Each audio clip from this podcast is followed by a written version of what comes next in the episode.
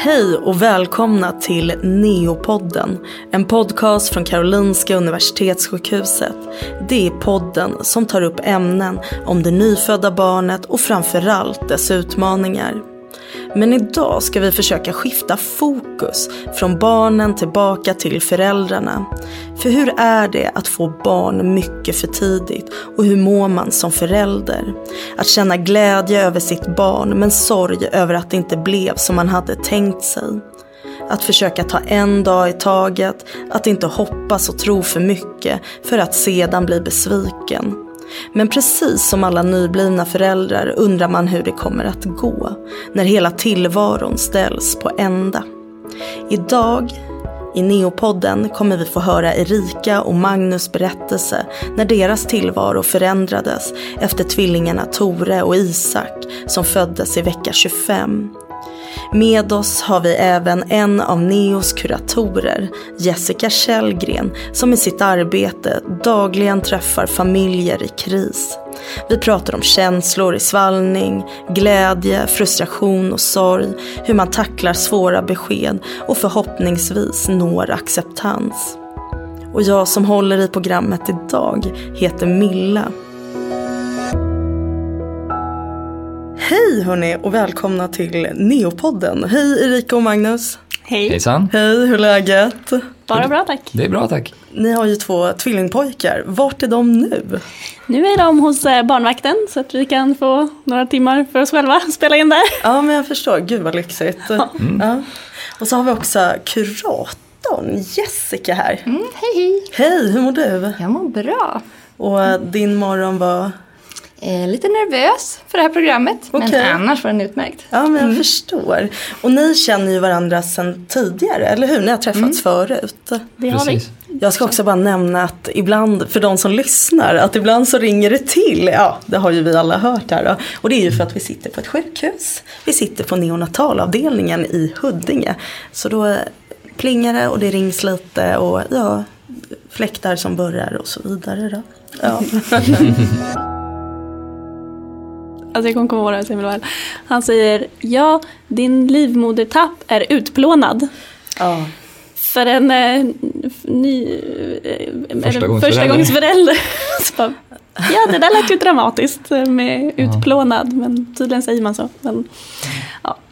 Och eh, så sa han att vi kommer försöka stoppa förlossningen. För den har satt igång. Och då, jag, jag kommer inte riktigt, för det gick så fort sen. Ja, det kändes så surrealistiskt allting. Att man visste inte riktigt vad man skulle tänka och förvänta sig och, och sådär. Man hade liksom inga mm, referensramar alls. Nej. Utan vi följde väl mest bara med där och, Ja, det var och väl, jag tyckte ändå att allt, som sagt, allt gick så himla fort. Så man, eller jag hann inte riktigt greppa att, att de pratar om en riktig förlossning nu. Utan det är ju som sagt det är så tidigt. Så det är klart att de kan stoppa det här. Det gör de ju varje dag. Liksom. Det är jättemånga föräldrar som jag träffar som eh, beskriver precis det som ni gör. Eh, man åker in, man kanske till och med har varit på jobbet dagen innan eh, och man ska bara in för säkerhets skull på en liten kontroll. Och sen, ha, nej men det var något, ja men då kan jag väl få något piller eller vad annat de gör.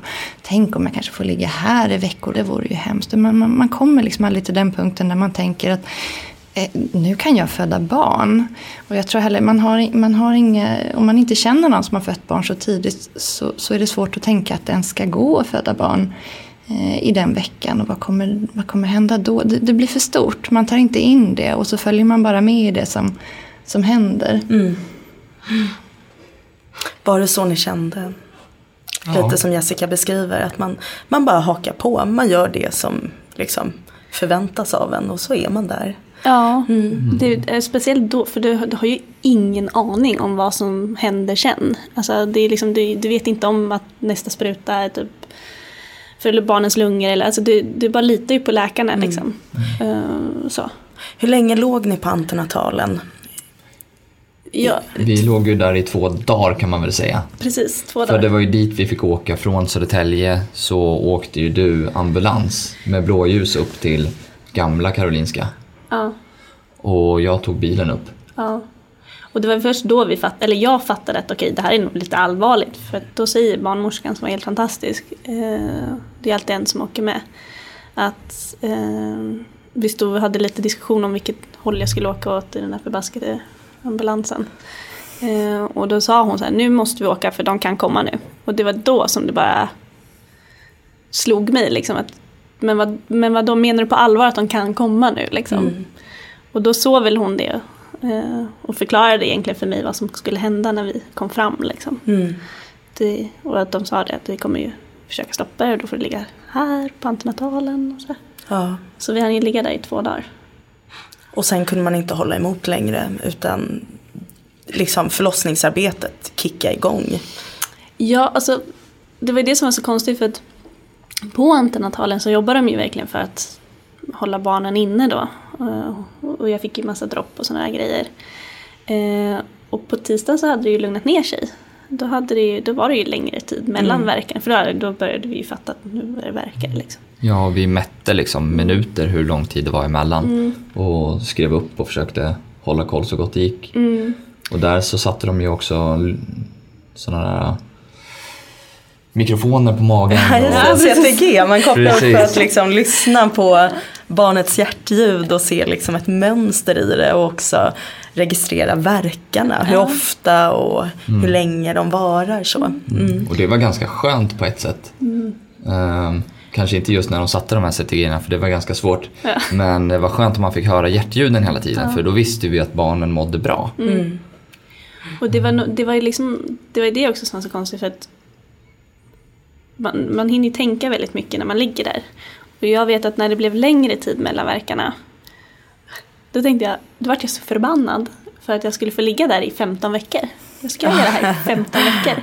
Ja. Alltså ska jag ligga på rygg, liksom bara magen ska bara växa och växa och sen så, vad ska jag göra? Liksom? Mm. Det var ju mer så. Och sen så på onsdagen då så gjorde vi ett ultraljud. Eh, och då sa ju de att eh, snart kommer ni bli föräldrar. Okej. Liksom. Så kom de upp och så sa de om, om två timmar så blir det. Okej. Utsnitt. Men då blir det då ett snitt. Fick du sova eller var du vaken? Jag var vaken. Du var vaken. Fick du se barnen innan de rullades iväg till Neo? Nej. Det fick du inte. Nej. Och jag tänker du Magnus, vart var du under det här snittet? Var du inne på salen? Eh, Jag var på salen, eh, satt eh, vid Erika, eh, vid hennes huvud. Och Men jag tänker sen då när barnen kom ut och man eh, tar, dem, liksom tar hand om barnen och ser till att de stabiliseras och så. Och sen ska de vidare till Neo. Magnus, var var du i allt det här? Fick du följa med? Eh, när barnen kom ut så var det ju det här rummet där de görs i ordning så precis bredvid. Och eh, när de hade fått ut både Tor och Isak som våra barn heter så eh, sa de till mig att nu kan du komma med här.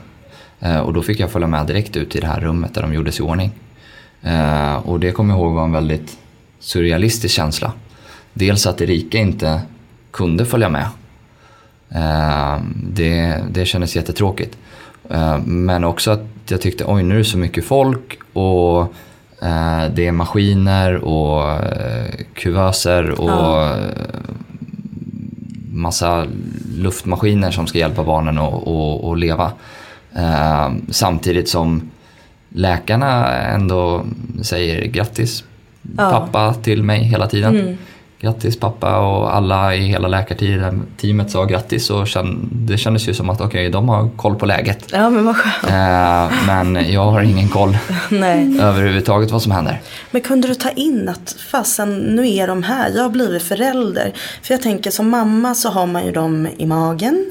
Och man liksom får känna dem och man vet att de finns där. Och det är klart, du vet ju också att de finns där. Men, men att få barn för tidigt, man kanske inte riktigt har liksom ännu fått se den där stora magen och få gå runt och liksom känna på det här i nio månader. Nu blev ju i och för sig du stor, liksom, din mage växte ju ändå till sig, vilket det gör med tvillingar. Men jag tänker för, ja, men för pappans del, är det liksom, kändes det märkligt? Kändes det helt surrealistiskt att, jaha, Det kändes väldigt surrealistiskt och det tog, det tog nog lång tid innan jag förstod att man var pappa och innan man kände att man var pappa. Alltså självklart hade man ju någon sorts beskyddarkänsla för barnen redan då. Men just i, i det här rummet, då kändes det väldigt surrealistiskt. Ja. Ehm, allting. Och just det som har, har lagt sig i mitt huvud, det var, det var egentligen två saker. Det, dels att jag skulle eh, ta kort så att Erika kunde få se barnen eh, när de var nyförlösta. För att hon hade inte möjlighet att, att träffa barnen då alls. Eh, och sen just det här att alla sa grattis pappa. Eh, det, det är liksom, aha, pratar ni med mig? Eh, kommer jag ihåg att jag tänkte. Eh, så ja, det var en speciell situation. Jag kan tyvärr inte riktigt beskriva känslan. Nej. Det var bara väldigt, eh, väldigt annorlunda. Ja. Eh, och sen så skulle man ju ta barna till Neo. Och då fick du följa med Magnus. Men du blev kvar Erika. När fick du se grabbarna? Efter eh, 24 timmar, fick jag säga. Okej. Det, det var ju den värsta upplevelsen i mitt liv, tror jag. Eh, Jag tycker fortfarande det är jobbigt. Ehm, Efter uppvaket, för det måste man ju ligga på efter operationen då, så rullar de mig till BB. Och det är ju inte en bra upplevelse för mig. Nej, Alls. att, att där är grabbarna på Neo tillsammans med Magnus. Och så ligger du i ett rum alldeles ensam. Ja, det kändes ju som att de hade, alla kom in också, även som de sa till, till Magnus så sa de grattis pappa, till mig sa de ju grattis mamma, men jag hade inte ens sett mina barn. Nej. Eh, utan de hade ju tekniskt sett bara plockat ut någonting från mig.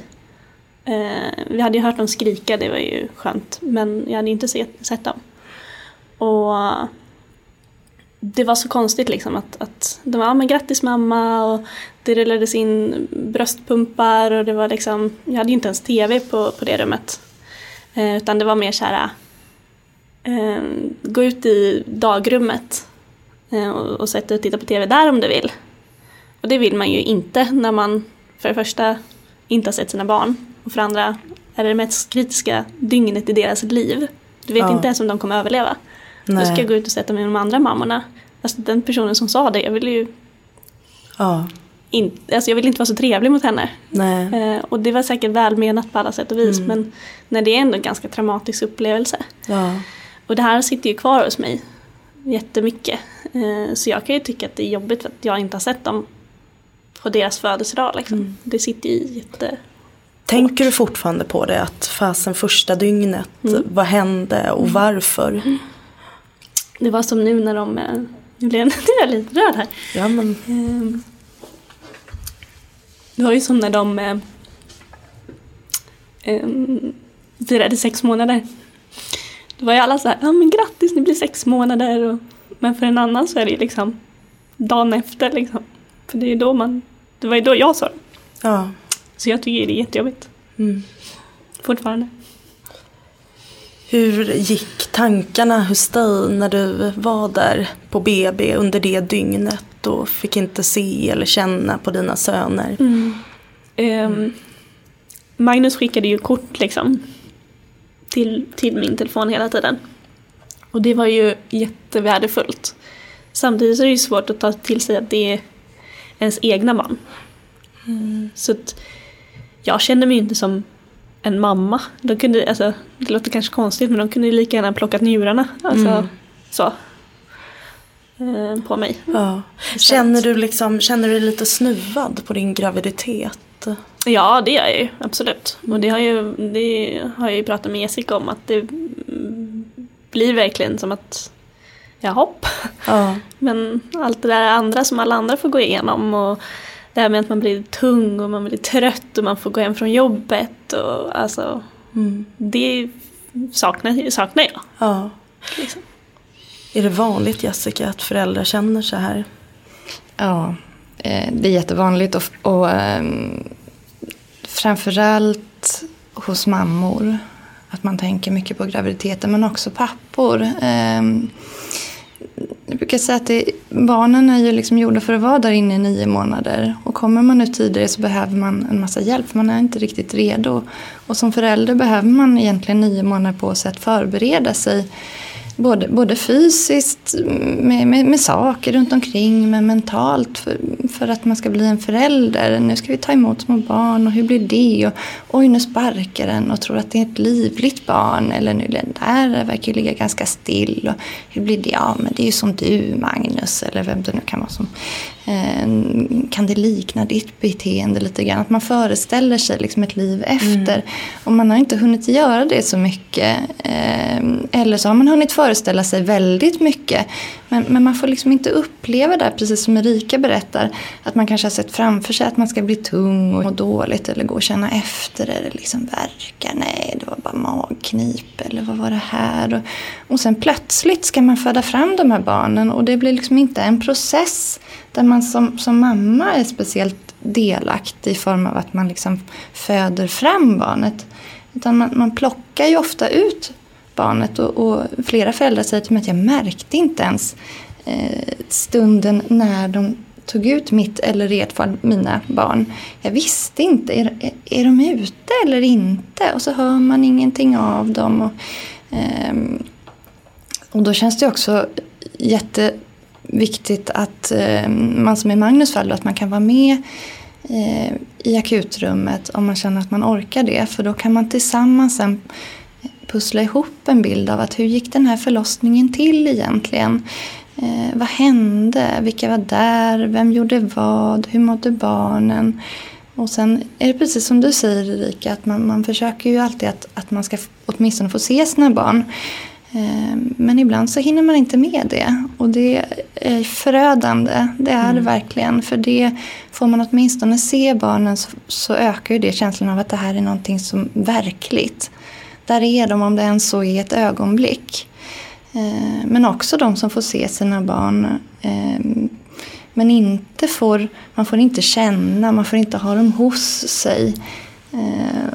Och att, att det inte det blir en overklighetskänsla. De bara, de bara är där. Men det är svårt att ta till sig mm. att de har kommit. Och hur gick det till? Ja, alltså det här känns ju som ett oerhört trauma. Och liksom att det är svårt att också ta sig igenom och på något sätt acceptera att det blev så. Ehm, jag tänker, möter du föräldrar som känner mycket skuld och kanske skam eh, över att det blev som det blev? Mm, skuld är ju någonting som eh, jag ofta träffar på hos föräldrar. Eh, det, det, är också kanske lite vanligare hos mammor där man känner liksom något slags svek över att min, min kropp fixade inte det här. Man hade förväntat sig att man skulle gå i nio månader men någonting hände som gjorde att inte det gick. Och att det är lätt att man får funderingar mm, på liksom, är det någonting jag har gjort? Mm. Har jag gjort något fel? Ehm, och det finns ofta inte lugnande besked heller att nej det är ingenting som, utan det är ja nu kan inte jag komma på någon, Nej, någon men... orsak, men att det en, finns en specifik orsak. Eh, ibland gör det det, men oftast gör det inte det. Och då är det väldigt lätt att man letar hos sig själv, för man försöker hitta en anledning för att förstå varför händer det här. Och det är svårt att förstå när det inte finns en anledning och då är det jättelätt att titta hos sig själv. Mm. Kände ni så? Kunde ni känna att eh, en skuld för att barnen kom för tidigt eller att ni skulle ha gjort något annorlunda och hade vi bara så hade det kanske blivit på ett annat sätt?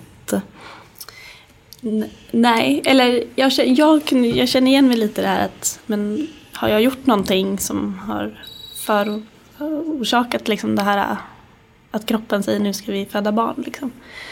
Men jag hade kanske tur för att eh, de var ganska tidiga med att säga det. Det var ju redan på ultraljudet innan barnen kom att, att de var tydliga med att det var barnen som hade satt igång det här. De trodde ju att det var en, det var väl egentligen anledningen också, en sån här tvillingtransfusion. Ja just det, att det är en, en som ger och en som tar lite. Precis, ja. och att eh, det var då barnen som hade bestämt sig för att det här kommer inte vi fixa i Sen pratar ju du och jag ganska mycket om det och ventilerar med varandra. Mm. Så vi hade ju någonstans resonemanget, okej okay, men vad kunde vi ha påverkat det här? Mm. Eller inte och eftersom vi, vi hade turen att kunna få i alla fall ett svar. Mm.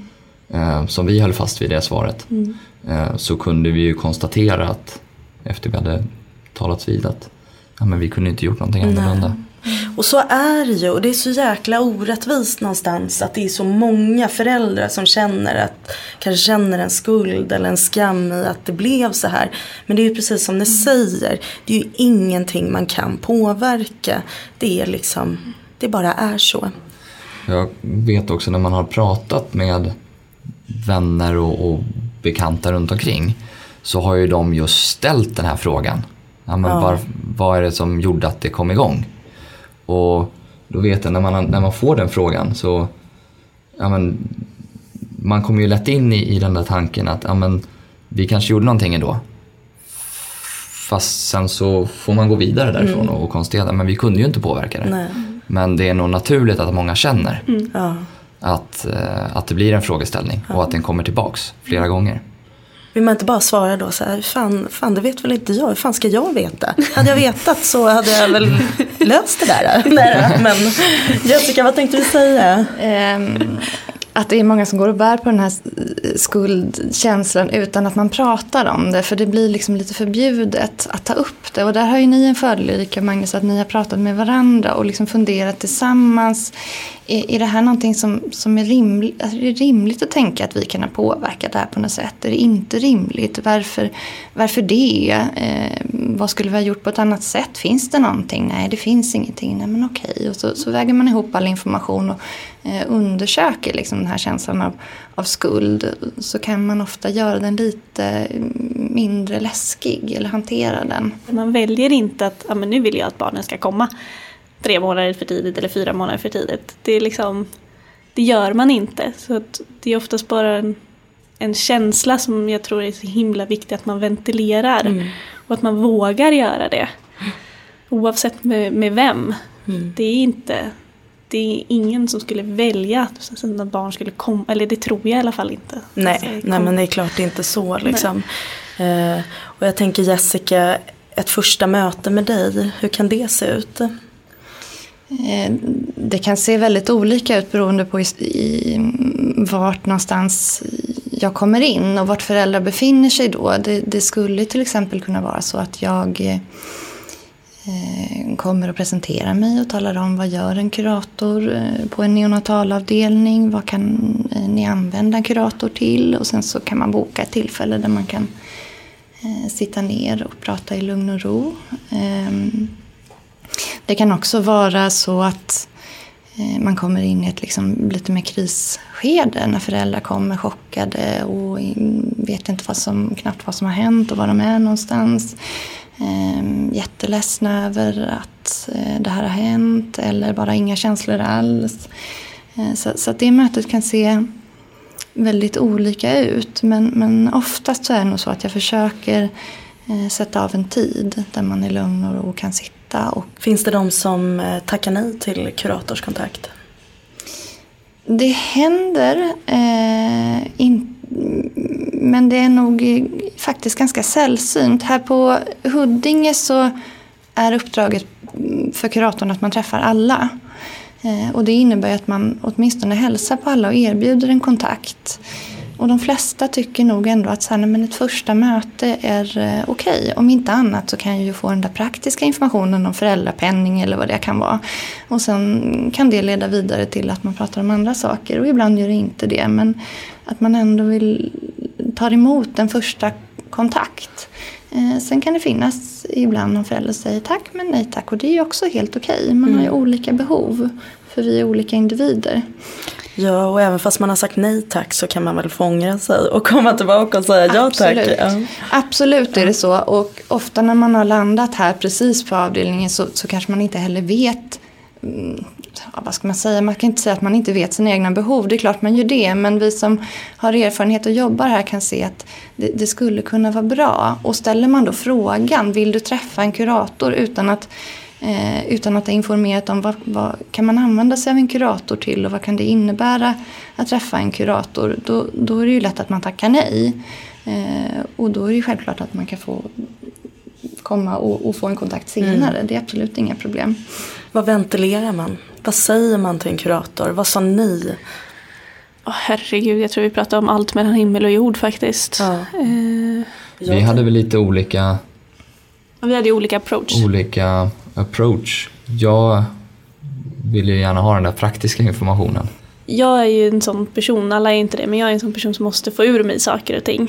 Och det är klart, vi pratade jättemycket om barnen här och ibland så var det bara skönt att kunna få vräka ur så massa andra grejer om att liksom, det kunde vara allt möjligt egentligen som jag kände eller tyckte. Men dels det här med graviditeten och varför jag inte fick klart den. Och eh, att jag kände mig snuvad och den här bebisbubblan, vad är det för skit som alla pratar om? Det finns ju inte. Alltså sådana saker. Ehm, för att jag inte fick den chansen att uppleva Nej. det. Och vi, ibland hade vi roligt, ibland satt vi liksom bara skrattade, ibland satt jag och grät där inne. Och ibland bara bara vanligt naturligt samtal kring liksom praktiska saker, hantering och sånt där. Ja, och jag tänker att det är nog många föräldrar som, ja men lite det här eh, som jag tror du nämnde tidigare Jessica om förbjudna tankar. Att man kanske känner att jag får inte säga det allt för högt. Att fan det här är skittråkigt, det här är så jävla jobbigt. Och att man bara kan få komma in till en kurator, ge en liten så här existentiell suck och bara fan varför blev det så här liksom. Jag, jag vet, jag kommer ihåg, det här sitter jätte, jätte djupt rotat i mig och även att allting som man pratar med kuratorn om är ju konfidentiellt. Eh, Men jag vet att jag var skiträdd över att mina barn, att vi inte skulle få komma hem med dem. För det var ingen som hade sagt. Vi hade, hade väl varit här i nästan två månader tror jag.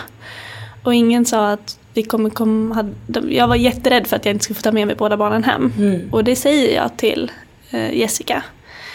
Och sen vet jag att eh, vår läkare kom och hade Ron med oss. Och det första han säger till mig det är så här att vi läkare är jättedåliga på att säga det här ibland. Men jag vill att du ska veta att vi, ni kommer komma hem. Och någonstans så kände jag ändå okej, men det här har jag bara sagt till Jessica.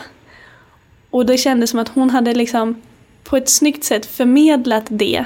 Och då kändes det som att men läkarna är inte bara här och vårdar våra barn. Alltså de är ett team. De vårdar Ja. familjen.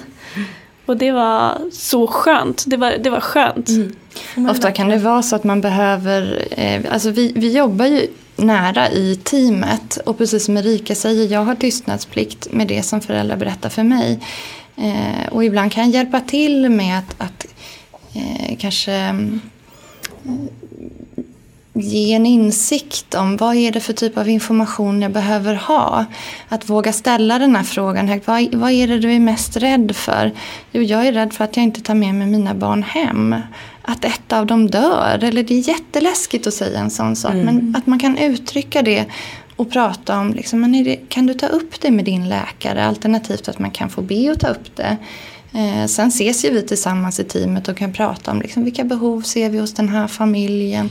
Vad skulle kunna vara hjälpsamt? Och där skulle jag till exempel kunna säga då att eh, jag tänker att man behöver prata lite mer om hur det kommer se ut framöver.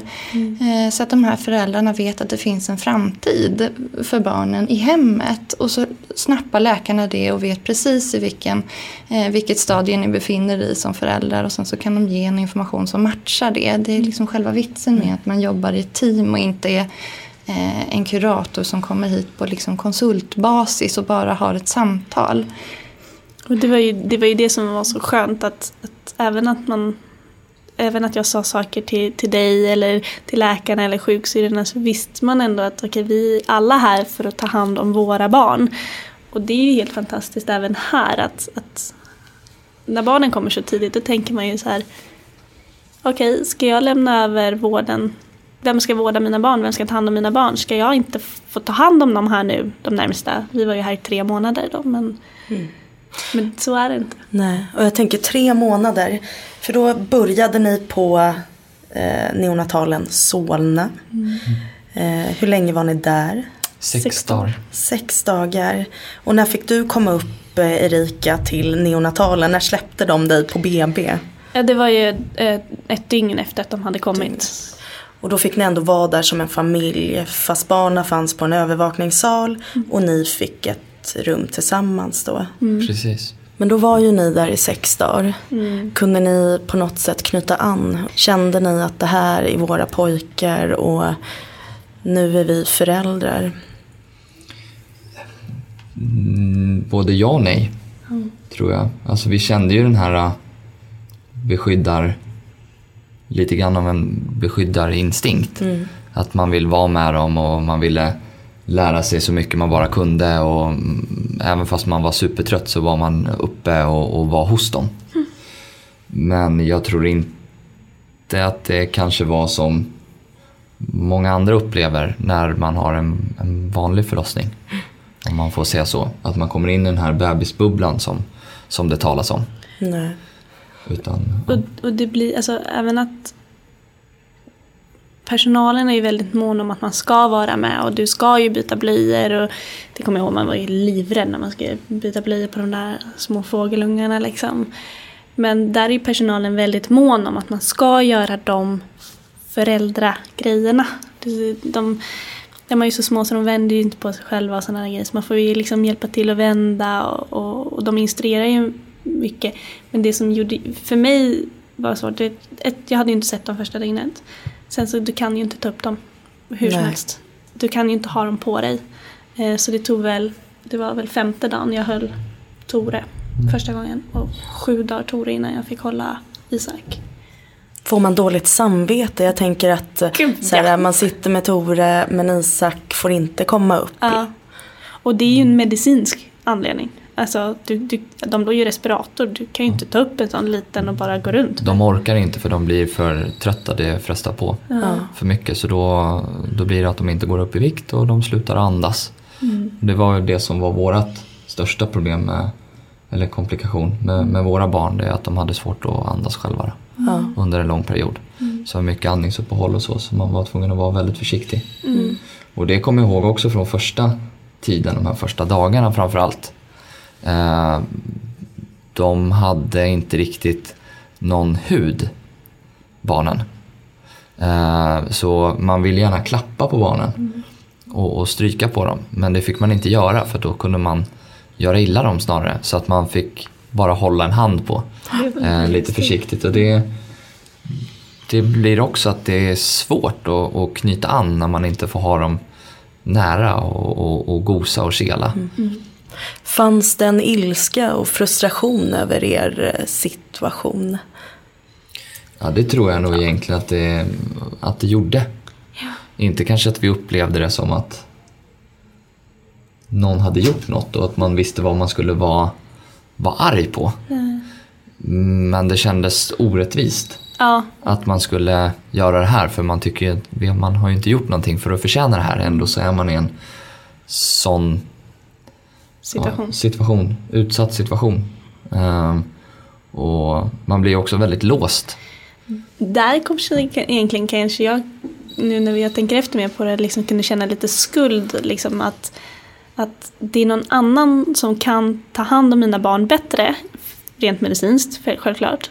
Och innan, jag visste inte hur jag skulle lära mig att tolka barnens signaler. De låg ju där. De uppkopplade till maskiner som sa, och det var ett schema. Det tyckte jag var så här, så jag kände mig att, men jag känns inte som en mamma. Alltså jag är bara, jag är, hur ska våra barn liksom veta att det är jag som är mamma? Det, det tyckte jag var jättejobbigt och liksom kunde känna frustration över. Men vad gör man av alla de- dessa känslor? Känslor av eh, liksom orättvisa och frustration. Alltså går man bara där och knyter, liksom, är lite förbannad och muttrar och... Jag vet inte ifall det tar sig uttryck riktigt på det sättet heller. Att man blir irriterad och förbannad och liksom vill slå saker. Men man blir ganska trött. Rent psykiskt blir man trött. Eh, det fysiska blir man ju trött för att man inte får sova speciellt mycket. Eh, men Det är eh, väl något som är lika med vanliga föräldrar. precis, det är något som är lika med vanliga föräldrar. Man sover ju inte. Men däremot så hade ju vi mycket stöd i varandra. Att vi, vi pratade ju om allting. Så att vi hade ju både med varandra vi kunde tala. Eh, vi hade personalen, eh, alltså sjuksköterskorna, undersköterskorna och, och läkarna. Så att vi försökte väl konstatera att okej men nu är vi i den här situationen. Eh, och vi kan inte riktigt påverka den det ja, det var ju en insikt vi kom fram till gemensamt. När vi, när vi pratade hela tiden. Ena dagen så kanske du var upprörd och ledsen och, och, och kanske inte kunde se det och då, och då kunde jag prata med dig om att ja, men vi, vi kunde ju inte påverka det här och, och mm. nu ser det ut så här. Och andra dagen så var det ju jag mm. som var upprörd och, och, kanske frustrerad och inte riktigt såg att okej okay, vi kunde inte påverka här, nu får vi göra det bästa av situationen och då kunde du prata med mig. Mm. Eh, prata med mig då. Och det låter ju det låter ju väldigt bra sådär att ni var i balans på något sätt. Att även fast man är i obalans så hamnar man lite i balans. Att man kan liksom stötta varandra. Att när en är nere så är den andra stark och tvärtom. Eh, men jag tänker, är det ofta så Jessica? Är föräldrar i balans eller kan det vara så att de hamnar helt i obalans och att man kanske inte riktigt förstår varandra, förstår varför den andra reagerar som den gör och att det lätt liksom skapar en nästan en konflikt mellan föräldrar. Så. Mm. Det, det, är viktigt att man liksom visar förståelse för varandra. Dels för sina egna relation, eh, reaktioner. Eh, men också för varandra. För det skapar ofta frustrationer som man tar ut på varandra. För man är varandra närmast. Och att det är jätteviktigt att man försöker vara förstående när man har någon märklig reaktion. När man är arg, när man är trött, när man är ledsen, frustrerad. Ehm, och att man kan på något sätt tillåta både sig själv och den andra att få vara det. Och att man kan försöka förstå. Varför reagerar jag på det här sättet? Medan du reagerar på det här sättet. Okej, okay, vi har olika förutsättningar. Det här är mitt sätt att reagera. Det här är mina reaktionsmönster. Det betyder inte att du har samma. Eh, och det kan ofta vara hjälpsamt att en är kanske lite mer orolig av sig till exempel, den andra är lite mer praktiskt lagd. Perfekt, då kan man jämka så att man kan ha en rimlig oro gemensamt och praktiska saker blir gjorda som den ena tyckte var viktig och inte den andra. Så blir det någon slags liksom, medelväg som brukar funka ganska bra. Eh, ibland kan man behöva hjälp med det för det är svårt att få syn på sina egna reaktioner och mm, även på den andras reaktioner och tolka dem på ett bra sätt. När är det läge att ta kontakt med en kurator för samtalsstöd? När man tycker att, för det första så, så, ska jag säga när man själv önskar det. Man ska aldrig gå med på att ha en kuratorskontakt som man känner sig tvingad in i. Utan när man känner att eh, jag behöver extra hjälp och stöd för att hantera den här situationen. Eh, mina strategier som jag har sedan tidigare räcker inte till för att det ska vara för, för att det ska liksom minska mitt lidande tillräckligt. När man vill höra andras, kanske vad som är vanliga upplevelser, är det här normala känslor och tankar jag har? Eh, hur kan jag förstå mina egna reaktioner? Eh, vad kan jag göra för att stå ut med den här oron? Det kan ju också vara så att man känner att jag, jag vill ha praktisk information och jag ser det som att de här praktiska sakerna det måste man också få hjälp med för att kunna fokusera på sitt barn. Mm. Praktiska saker som till exempel Försäkringskassan, det ska inte hindra föräldrar från att lägga tid på sina barn eller skapa någon extra oro utan det måste man bara kunna plocka bort. Så det är också en, en jättebra anledning att söka upp en kurator. Um, och det kan ju vara andra som, saker som känns viktiga runt omkring i livet. En familj eller andra barn som man har hemma. Hur ska jag göra med dem och hur kan vi lägga upp planeringen? Och, och, och jag vill inte säga att det är någon, man ska ta en kontakt med en kurator om man mår väldigt dåligt eller så. Utan det, det är om man känner att man vill ha um, den pusselbiten av hjälp som, och stöd som man kan få, som en kurator kan erbjuda. Och det kan vara ett litet stöd, det kan bara vara en trygghet, en person som man vet finns där. Eh, man kan också göra det om man känner att jag mår väldigt, väldigt dåligt, jag, kommer, jag klarar inte av det här. Mm. Och jag tänker, jag vet Erika, du nämnde lite grann förut om att Eh, som förälder eller nybliven förälder så får man aldrig sova och så är det för alla föräldrar. Men där vill jag också bara säga till liksom prematurföräldrars försvar lite mm. att det är inte riktigt samma sak för det läggs helt, alltså det ställs helt andra krav på så. föräldrar som får barn väldigt mycket för tidigt. Mm. Som får man barn i fullgången tid, ett friskt fullgånget barn Eh, där tillhör ju lite det vanliga föräldraskapet att man får dålig sömn. Men för eh, föräldrar till sjuka nyfödda, det är liksom, alltså förutom allt eh, liksom det känslomässiga som är jobbigt, att man har ett barn som inte mår bra och man liksom bär runt på den oron så är det också allt det praktiska. Herregud, man ska pumpa de där brösten, man ska sondmata, det är mediciner, man ska ställa klockan varannan timme. Och liksom, man ska inte bara vara förälder, man ska vara någon form av så personlig assistent till sina barn. Och jag kan ju bli lite så här, du vet när de säger lite nonchigt så här, ja men vad trodde de att det skulle bli när man får barn? Trodde de att man skulle få sova. Och då bara jäklar, ja. alltså du har ingen aning. Det Nej. är liksom. Och det har, vi, det har ju vi också, alltså, det har ju vi också gått igenom. Alla de där, ja men så här är det när man har barn. Man bara, ja nej, inte riktigt. Ja, man bara... Eh. Och det känner man väl då att det är egentligen kanske ingen idé att försöka förklara och hitta, hitta stöd hos Nej. andra än, än andra prematurföräldrar. Föräldrar. Mm. Och, det vill, och det var ju det, där vill jag slå ett slag för de här föräldrafikerna som de anordnar på neonatalen. Jag tror att det är eh, kyrkan och eh, Prematurförbundet som, som gör det. För att där träffar man andra som är i samma situation och de är, förutom sin partner som faktiskt är den enda personen som förstår vad man går igenom. Eh, jag kunde ju säga till liksom, alltså folk jag kunde förklara liksom att flera gånger så här, jag, till exempel, ja men nu är det stabilt. Och de var så, ja men gud vad skönt, när kommer ni hem? Alltså, ja. var, alltså förlåt folket som lyssnade men alltså, jag ville ju slå någon. Alltså ja, på riktigt. Mm. Och då var så här, ja nej de kanske inte dör idag. Det var ju det man ville säga när det mm. var stabilt. Men, och de enda som faktiskt förstod det, det var ju Magnus och sen då våra alltså, andra föräldrar här, som våra kompisar som liksom också förstod vad, vad man menade med det. Och det blir väl lite grann som en, men, som en sorg eller någonting som man kan tänka på ibland. Just den här situationen att man kan inte alltid säga allting som man har varit med om till allt och vem som helst. För att man vill inte, man vill inte trampa någon på tårna. Alltså när man lyssnar på er så känns det ju ändå som att ni, ja men som ni säger, ni har haft väldigt bra stöd i varandra.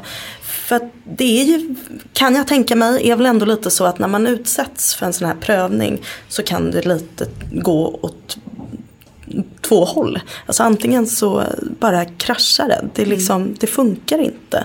Man, ja, eller så blir man lite starkare. Var det någon gång där ni kände så att vi kanske inte orkar med varandra? Ja. Det har ju blivit en och annan promenad som man tog själv kanske också. ja. um. Men jag tror inte man ska vara rädd för det. Jag tror inte, alltså, det var ju flera gånger absolut som vi kunde känna så här, eller som jag kunde känna, ska jag inte prata vi, att jag måste få en paus från det här. Mm. För det blir ju för mycket. Man, dels är det ju en väldigt känslig situation med att det är väldigt många känslor som man aldrig någonsin trodde att man skulle känna. Eh, som man inte alltid kan sätta fingret på. Mm. Eh, och sen så umgås man ju varje dag, hela tiden, eh, dygnet runt. Mm. Eh, så det är klart att det frestar på. Målet man har med att vara här mm. och vara i en sån situation det är att barnen ska bli friska. Mm.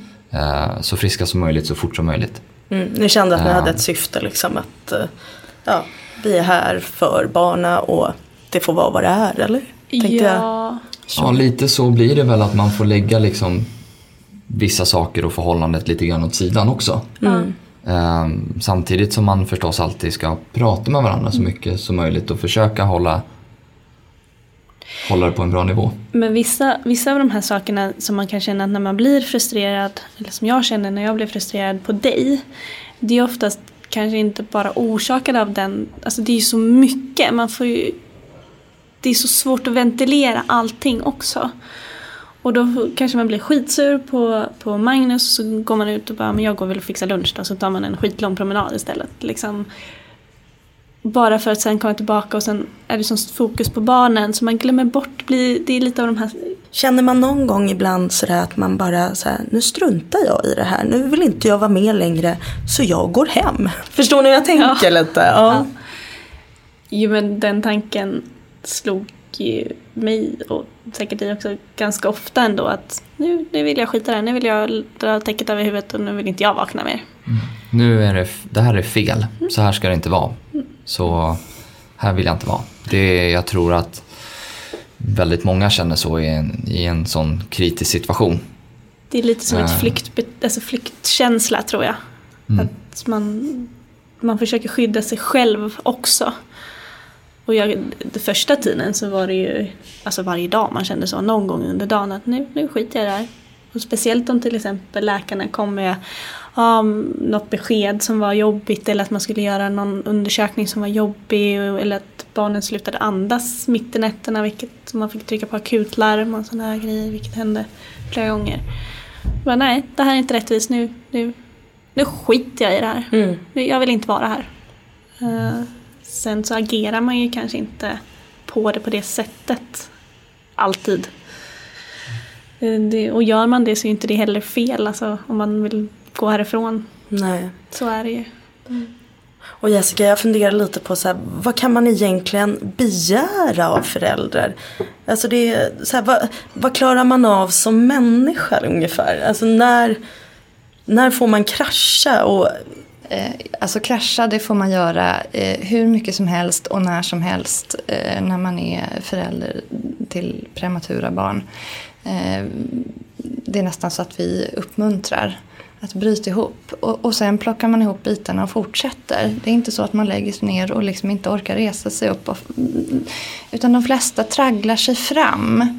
Men det är ju enorma påfrestningar som man utsätts för under en lång tid. och, och förutom alla de här momenten som du pratar om med liksom pumpning och mediciner så är, så är det ju liksom en inre stress. En, en, en hela tiden en oro där man är på tå och, och, vaktar och liksom vad kan hända?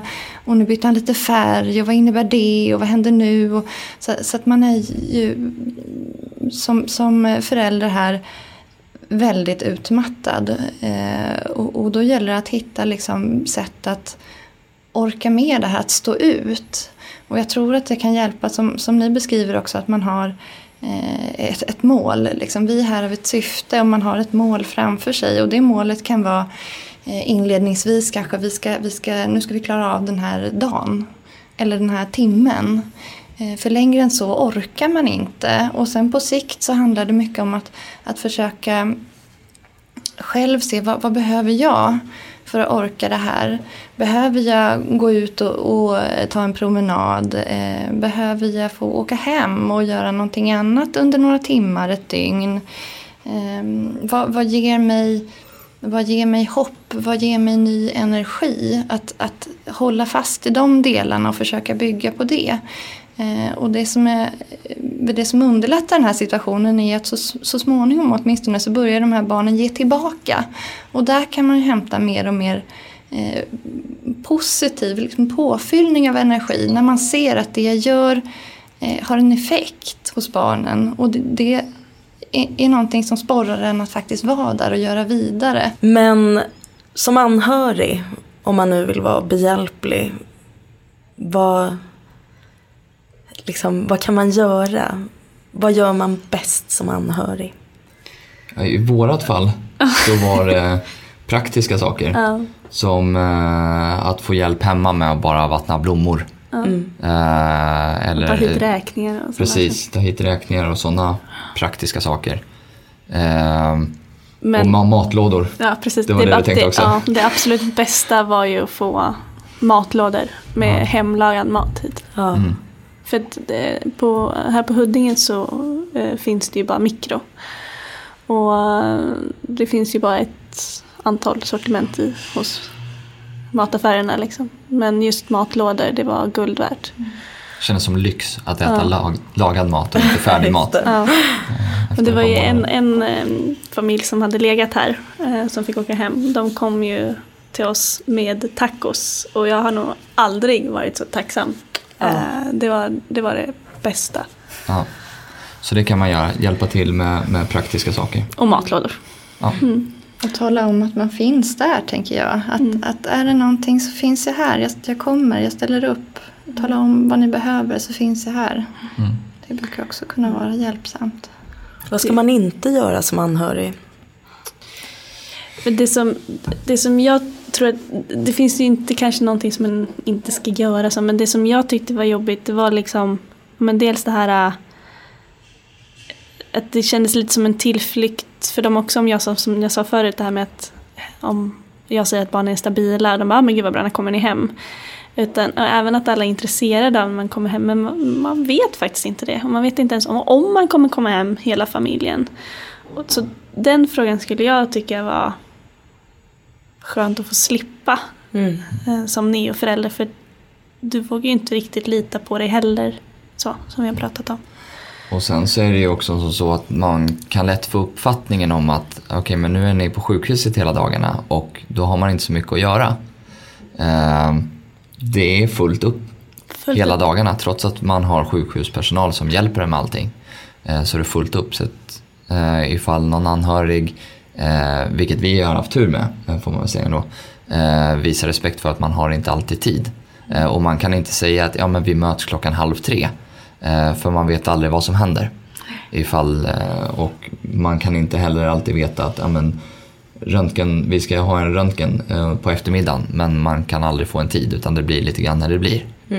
Eh, Så att eh, ifall de anhöriga kan ha lite överseende med att man kan inte boka upp någonting eh, så tror jag det är bra. Vad uppskattade ni hos personalen? Vad gjorde de som ni kände var, liksom, betydde lite extra så eller var till en lite extra hjälp för er? Jag tyckte att det var så här, jag tyckte att det var skönt att det var, det var lite normalt ibland. Alltså, jag tyckte det var skönt att höra till exempel när sjuksköterskorna skojade lite och, och sådana där för det, det var någonting annat. Så det tyckte jag, det uppskattade jag även när de skämtade med en annan och, och så.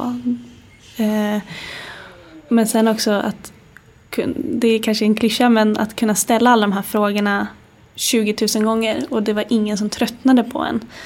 Det, det uppskattade jag jättemycket. Ja, men vänta nu, vad var det här för medicin? Ja men det var den här. Just det, och den gjorde det här. Nej, den gjorde det här. Alltså det, var, det var superskönt. Eh, för det kändes, en, det kändes som att de hade också ett engagemang att lära en. Och att de ville lära eh, oss som föräldrar liksom, hur vi skulle ta hand om dem och vad som var bra, hur vi skulle titta efter färger. Och, och, och det, det uppskattade jag jätte- jättemycket. Alltid tillgängliga Ja, och ville alltid vara där och hjälpa. Ja. Det, det var kanon. Och kom med hurrarop och sådana där saker. Det var så, så här härligt. Och sådana här små saker som eh, vi fick små, små skyltar utskrivna Mm. eh, när barnen eh, ja, men lyckades med någonting. Exempelvis när eh, de gick över ett kilo, när de vägde över ett kilo. Barnen så fick de en skylt med vilket datum det var och, Typ som och små grattis. diplom. Liksom. Ja. Sånt uppskattas jättemycket. Ja. Eh, även fast kanske en liten gest så känns den väldigt bra. Ja, Ja. det var jättemysigt. Jag tänker ni, ni fick ju också byta sjukhus. Från Solna till Huddinge. Hur var det? Att bara liksom, här hade ni fått en trygghet på Solna och så rycks det lite ifrån er. Barn i vecka 25-26 är inte stabila enligt föräldrarna. De är stabila när de är 18 år och får flytta hemifrån förhoppningsvis. eh, så det, jag tyckte att det var jättejobbigt att veta att de skulle flyttas till ett okänt sjukhus och hur var personalen där. För personalen blir en säkerhet. Alltså, Och vi hade ju precis hunnit, inte landa är väl fel uttryck, men vi har precis hunnit skapa oss någon sorts ja, men trygghet och, och rutin i, på KS och sen så ska man helt plötsligt bryta allting. Och det blir ju lite snabba bud ja. också sådär att ja, men någon gång i framtiden kommer ni behöva flytta till Huddinge. Okej, men det vet vi. Eh, det blir i eftermiddag som ni flyttar till Huddinge. Eh, får man höra sen. Framförhållningen är Ja, det, sådär. Ja, ibland så blir det ju så. Och, och det får man ju liksom bara ta.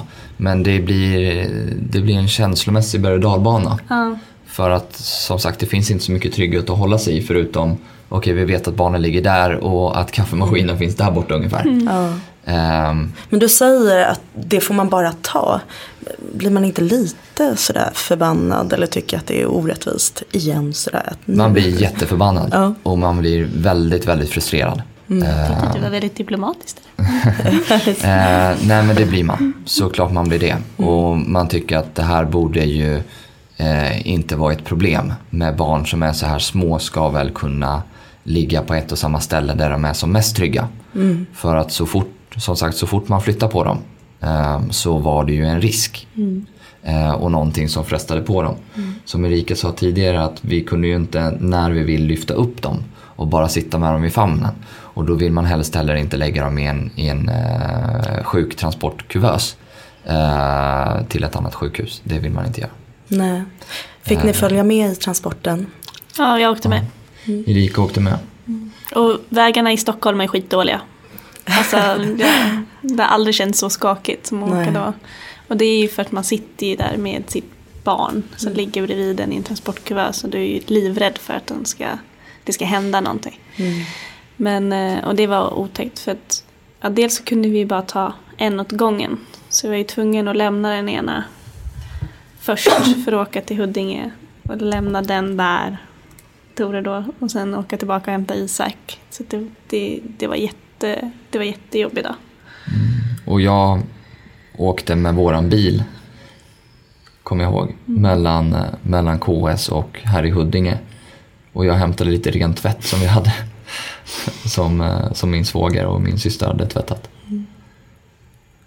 Det var också väldigt surrealistiskt att vi, ja, just det där att vi skulle byta sjukhus och helt plötsligt sitter man i sin egen bil.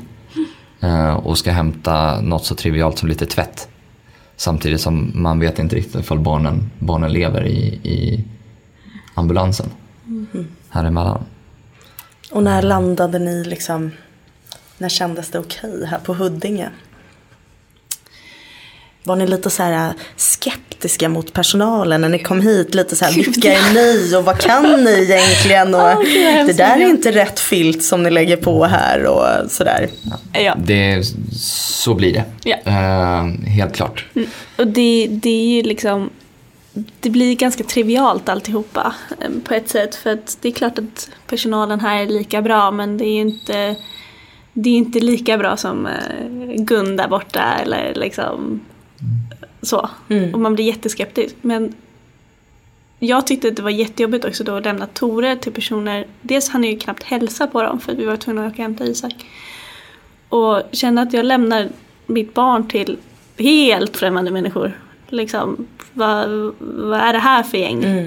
Då kommer jag ihåg att då såg jag en läkare som också hade varit på Solna. Hon var så himla trevlig och liksom bara men hej Erika, men vi syns när ni hämtat Isak och hon var liksom beredd på att vi skulle komma.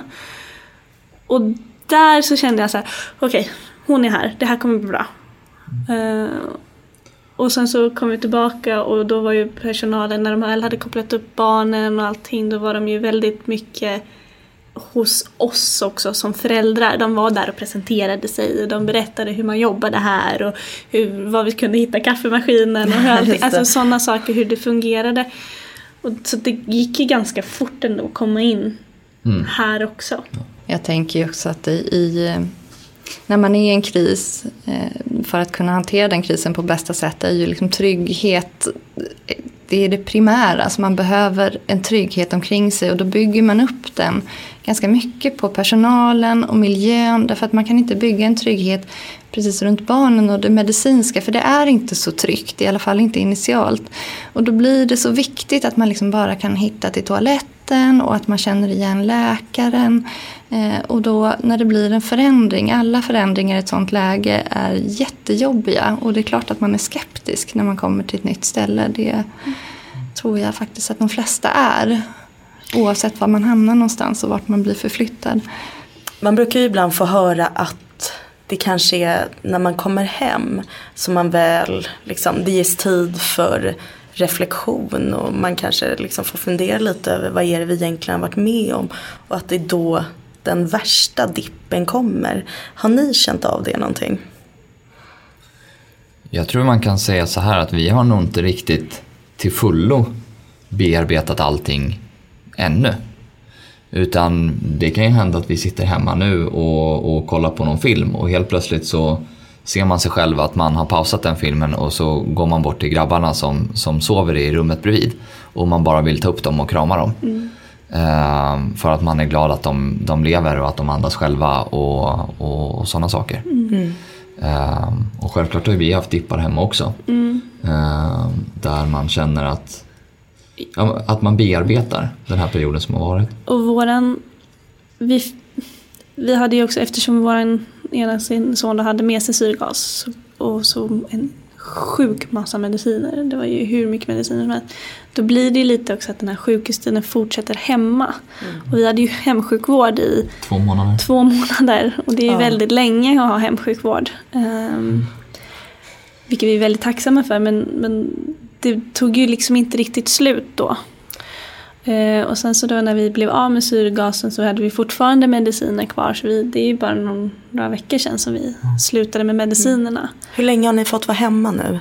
De föddes, eller föddes säger jag, ni kom hem i... April, 11 april kom vi hem. Ja. så snart, snart sex månader. Ja. Fem. Fem månader. Fem månader är de nu. Korrigerat.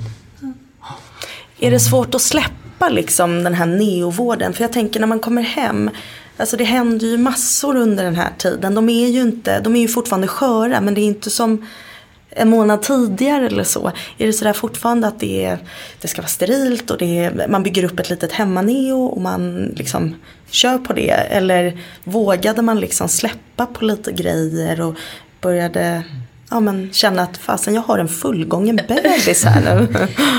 Det slår en ju ibland. Just det här att ja, men de är inte så sköra längre. Eh, och vi brukar ju säga det att vi, alla barn som vi träffar så scannar vi av dem per automatik. Alltså man kollar vilken hudfärg har de och... eh, Och hudfärg, då menar ju du, är de rosiga? Ja, är de ja, eh, lite precis. liksom, eh, är det sådär Hur- lite sjukligt grått eller vad, Precis, vad är hur, hur, hur är andningen? Precis, hur är andningen och har de indrag i bröstkorgen så att, eh, så att lungorna har, har gott om utrymme och, och den typen.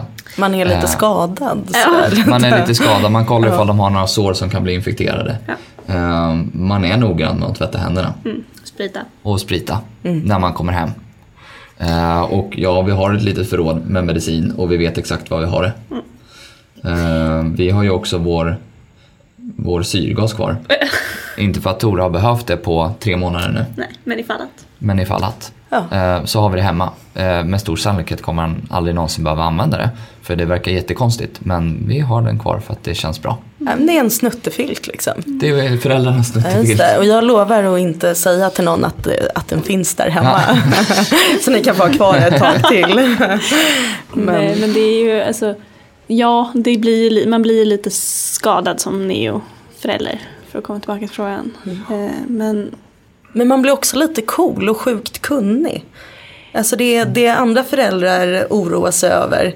Där kanske man som neoförälder bara, ja, ja, ja, visst. Det är inte så Det farligt. bra. Ja, ja. Ja, och så, de, vi hade ju faktiskt pratat med det om med Anneli på hemsjukvården. Att, att hon sa att Hon är fantastisk för övrigt, det ska Ja, vi lyfta det fram i avsnittet verkligen. också. ja, vad kul. Anneli på hemsjukvården. Yes. Anneli, jag hoppas du hör det här. Ja. Men hon sa ju till oss att, att neoföräldrar har en tendens ibland att bli väldigt oroliga på grund av den historien de har med sina barn. Liksom. Att det är nära döden-upplevelser och, och sånt där. Och att man kanske blir försiktig som förälder. Eh, och när hon sa det, just till exempel att man är lite så här när de klättrar i träd eller Mm. de så här, oj oj oj var försiktig. lite Eller bara gå ut med dem när man, kom, när man väl kom hem så ville man kanske inte gå ut med dem Nej, eh, på promenader. de kunde bli förkylda eller vad som helst. Men hon sa det att försök att, att släppa den tanken. För att vi kom, de kommer bli normala barn. Liksom. Mm. Så. Eh, så då bestämde vi oss för att vi ska, liksom in, vi ska försöka att inte bli så försiktiga och, och så liksom rädda för att få låta barnen testa saker. Och så. Eh, Erika, vi mejlade ju lite in, inför det här. Och då var det något som fastnade lite i mig där du sa, eller du berättade att det fanns en sorg över att pojkarna inte såg ut som andra barn.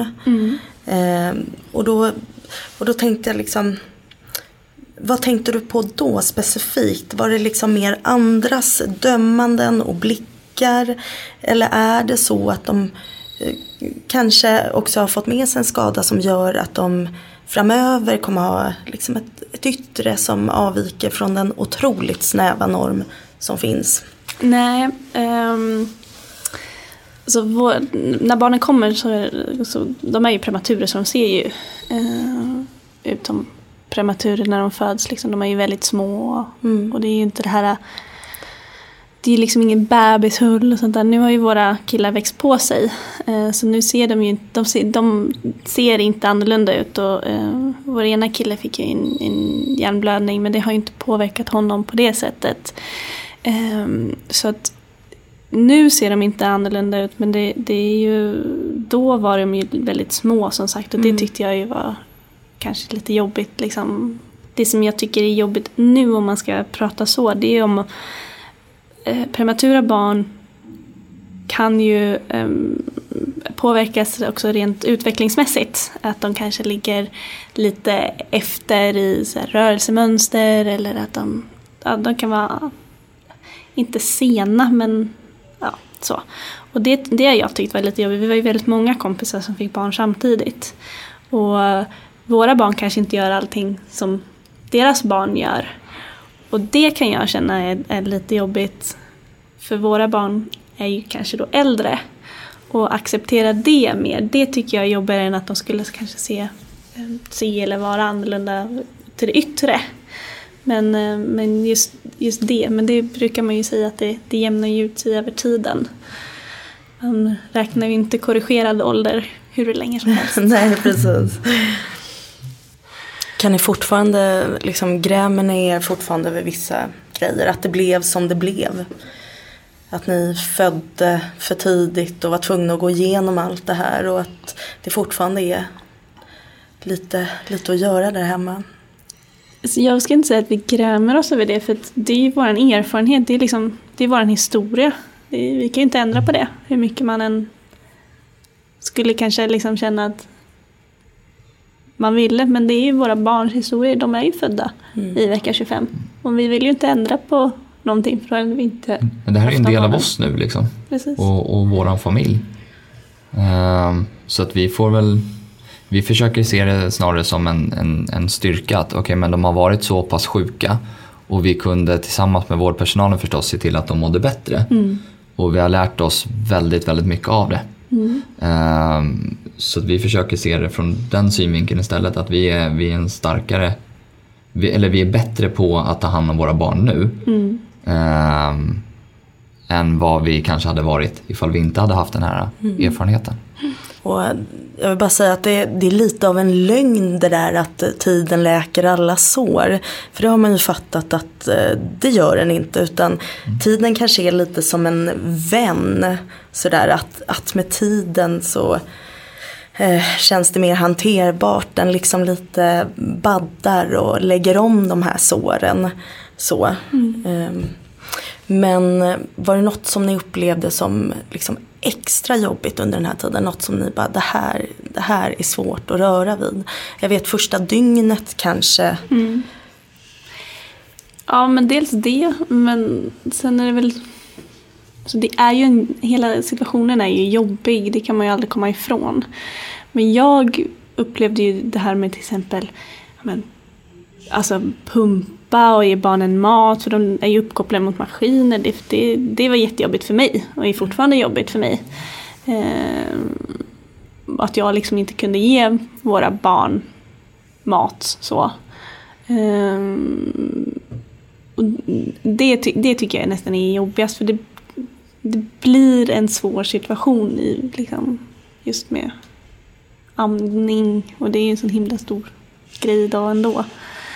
Så det tycker jag är jobbigt. Men sen så är det ju så att alla de här jobbiga grejerna, det är liksom en erfarenhet rikare och vi försökte, våran strategi var ju att försöka vara så positiva i allt och inte lägga så mycket värdering i att ja, men det här är jobbigt eller det här är shit nu blir det så här och herregud och varför, varför hamnar vi i den här situationen? Utan vi var ju mer så här okej okay, nu, nu försöker vi lära oss så mycket som möjligt så att vi kan mm. hantera det här och göra det som är bäst för barnen. Det var ju mer, så jag tycker inte att det är något som kanske är extra jobbigt så, utan det var jobbigt hela tiden egentligen. Det är jobbigt hela tiden och det kommer fortfarande vara jobbigt mm. när man tänker på det. Mm. På alla de sakerna som man ändå har gått igenom. För det är ju liksom inte bara, ja det är en neotid fast det är många olika saker som man går igenom. Mm. Och det är många olika känslor så att man skulle ju kunna grotta ner sig i jättejobbiga tankar tror jag. Eh, dagarna i ända. Men eh, det får man försöka att inte göra för att, och påminna sig själv om att det kommer inte leda någonting till. Att jag bara ältar de jobbiga känslorna. Utan man får ju se att ja, men det här jobbiga känslan som jag hade, ja, men det ledde till att nu är mina barn friska. Och ja, de kanske fortfarande kan få komplikationer i framtiden, det vet inte vi. Nej. Utan det får ju tiden utvisa. Men vi har gjort så gott vi har kunnat mm. utefter de förutsättningar som vi har haft. Mm. Jessica, är det så att de flesta föräldrar ändå kommer till den insikten att ah, ja, det är vad det är och vi får bara go with the flow. Att man någonstans når den här uh, acceptansen då. Eller finns det de som trillar ner i det här lilla mörka hålet? Jag tror att de flesta befinner sig under, eh, alltså periodvis i det där hålet. Eh, men att de absolut allra flesta också klättrar upp därifrån och sen tar det olika lång tid. Eh, och det beror på också vilka förutsättningar man har haft när man har varit på sjukhus. Hur mycket man har funderat under tiden man är inneliggande på vad som har hänt och gjort någon slags liksom inre sammanfattning. För vad har jag råkat ut för och vad innebär det för mig? Ehm, som det här som Erika pratade om med graviditeten eh, till exempel. Eh, det, det är ju en, en sorg som man bär på som du hann prata om och hantera en viss del av under sjukhustiden men som man kanske annars bär med sig hem. Om man är så uppfylld av allting som händer på sjukhuset och alla besked man får och alla tråkigheter som man ska bara ta sig igenom.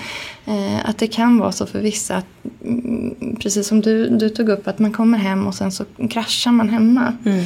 Eh, så kan det absolut vara också. De flesta tar sig ur det och, och gör man inte det så, så får man ta professionell hjälp att göra det, att, att ta sig vidare. Och någonting som man, jag skulle vilja säga till andra föräldrar det är att eh, ett tips så att försök lära er så mycket som möjligt. Och det kanske vi har sagt tidigare i, i det här avsnittet också men försök lära sig varför den här medicinen är viktig och när den ska ges och, och hålla koll på sakerna. Mm. Eh, det gör att man skapar sig själv en struktur. Mm. Eh, och någonting annat att tänka på också. Mm. Eh, det tror jag har hjälpt mig mycket i alla fall. Hjälpt oss jättemycket. Och, och veta vad som skulle hända. Och... Påverka det som man kan påverka. Mm. För just det här att barnet är sjukt kan vi inte påverka speciellt nej, mycket. Nej. och vi, man kan inte säga om framtiden ifall de kommer klara sig eller inte. Men man vet att okay, men vid det där klockslaget ska jag i alla fall ge den här medicinen. Mm. Och den är till för att förebygga det här eller det här. Mm. Skulle ni säga att ni har nått någon form av acceptans? Ja, det tror jag. Ja, det skulle vi väl säga. Sen, sen så är det ju fortfarande alltid att det blir... Det är ju en jobbig sak. Och den kommer nog alltid vara jobbig. Mm. Eh, alltså man får en, en, en tråkig känsla av det. Mm. Uh, och det kommer nog aldrig bli att det är förstås en positiv känsla. Men shit vad, vad skönt att våra barn föddes i vecka 25. Det kommer vi aldrig känna. Men vi har nog kommit på väg att komma över den. Och se det positiva i det hela. Mm. Det, det, tror jag. Men uh, vissa dagar så är det ju svårare än andra. Ja. Att se det där. Jag tänker Jessica, om du fick säga något till de här föräldrarna som ligger på antenatalen och kanske kommer föda för tidigt eller har ett sjukt barn som vårdas eh, på neo. Finns det någonting du vill att de ska veta? För det första så, så, skulle jag vilja förmedla någonting som jag hör väldigt ofta och det är att förvänta dig inte att du ska älska ditt barn från första stund. Eh, för det gör man ofta inte när man kommer hit för man har inte fått de förutsättningarna och det är någonting som, som får växa fram och som kommer att göra det också. Eh, och den, den relationen kommer, den kommer att finnas. så var inte orolig för det. Men begär inte av dig själv att du ska känna som, som andra känner som föder i fullgången tid. Och, och inte ens föräldrar som föder fullgången tid känner alltid sådana känslor initialt. Eh, också att, att eh, ge sig själv eh, utrymme att få, få reagera. Var ledsen. Eh, var arg. ha märkliga eh, utbrott, bryt ihop, plocka ihop delarna. Mm. Och, och jag tänker också ta hjälp, ta hjälp av er omgivning. Ta den hjälp som finns. Eh, och det är olika vad man känner att man behöver. Men använd er av personalen som är utbildad på det här området. Som, som vet eh, vad, vad, ni kan förvänta er av er själva. Vilken typ av vård barnet behöver. De kan hjälpa er att läsa barnets signaler och ge en klapp på axeln när man har gjort någonting bra. Eh, ta hjälp av familj om det är det man känner att det ger en styrka. Eh, prata med en kurator om man känner att man vill eh, öka sin förståelse för sig själv och vad som händer och få situationen mer kanske begriplig. Men försök att, att öka liksom känslan av trygghet och kontroll i en situation som jag tidigare sa också är egentligen helt okontrollerbar på ett sätt ta reda på vad, vad, behöver jag, vad behöver vi som familj för att vi ska orka igenom det här. Vad kan ge mig hopp, vad kan ge mig eh, driv och kraft och, och fortsätta fram. Mm. Och då tänkte jag bara fråga, hur ser ni på framtiden? Vågar ni se på den med tillförsikt? Är ni... Ja men det tycker jag, det gör vi. Uh, vi, vi ser väldigt ljus på framtiden det finns alltid ett litet orosmoln av, av ett men där. Eh, med att ja, men vi vet inte, man kan aldrig veta. Eh, det här med hjärnblödningen exempelvis. Mm. Ifall det ändå var någonting som påverkades eh, för Isak eller eh, det här med att Tore har varit lite mindre mm. Eh, hela tiden än vad Isak har varit. Ja, men kommer de bli likadana? De är ju trots allt enäggstvillingar. Mm. Sådana orosmoment mm. finns. Eh, däremot så känner i alla fall jag att ja, men det, eh, jag ser ljus på framtiden.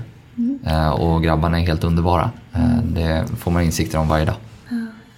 Och det är liksom snarare också en fråga om att det är inte en fråga om det här har påverkat dem utan det är mer hur det har påverkat dem. Sen har ju ingen av oss facit kring våra barn. Så är det ju. Men det är klart att man, man, är, ju, man är ju beredd på på mycket.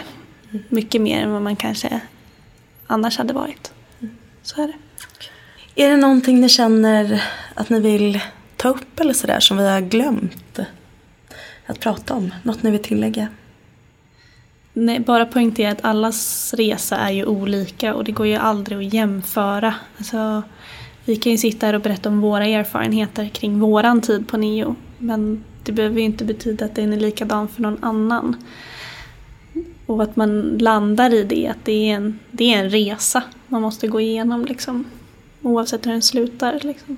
Så. Otroligt fina ord att uh, avsluta det här med. Tack så jättemycket. Tack. Tack, Tack själv. Tack. Tack ni som lyssnat. Följ oss gärna på Instagram där vi heter Neo Karolinska. Ha det bra.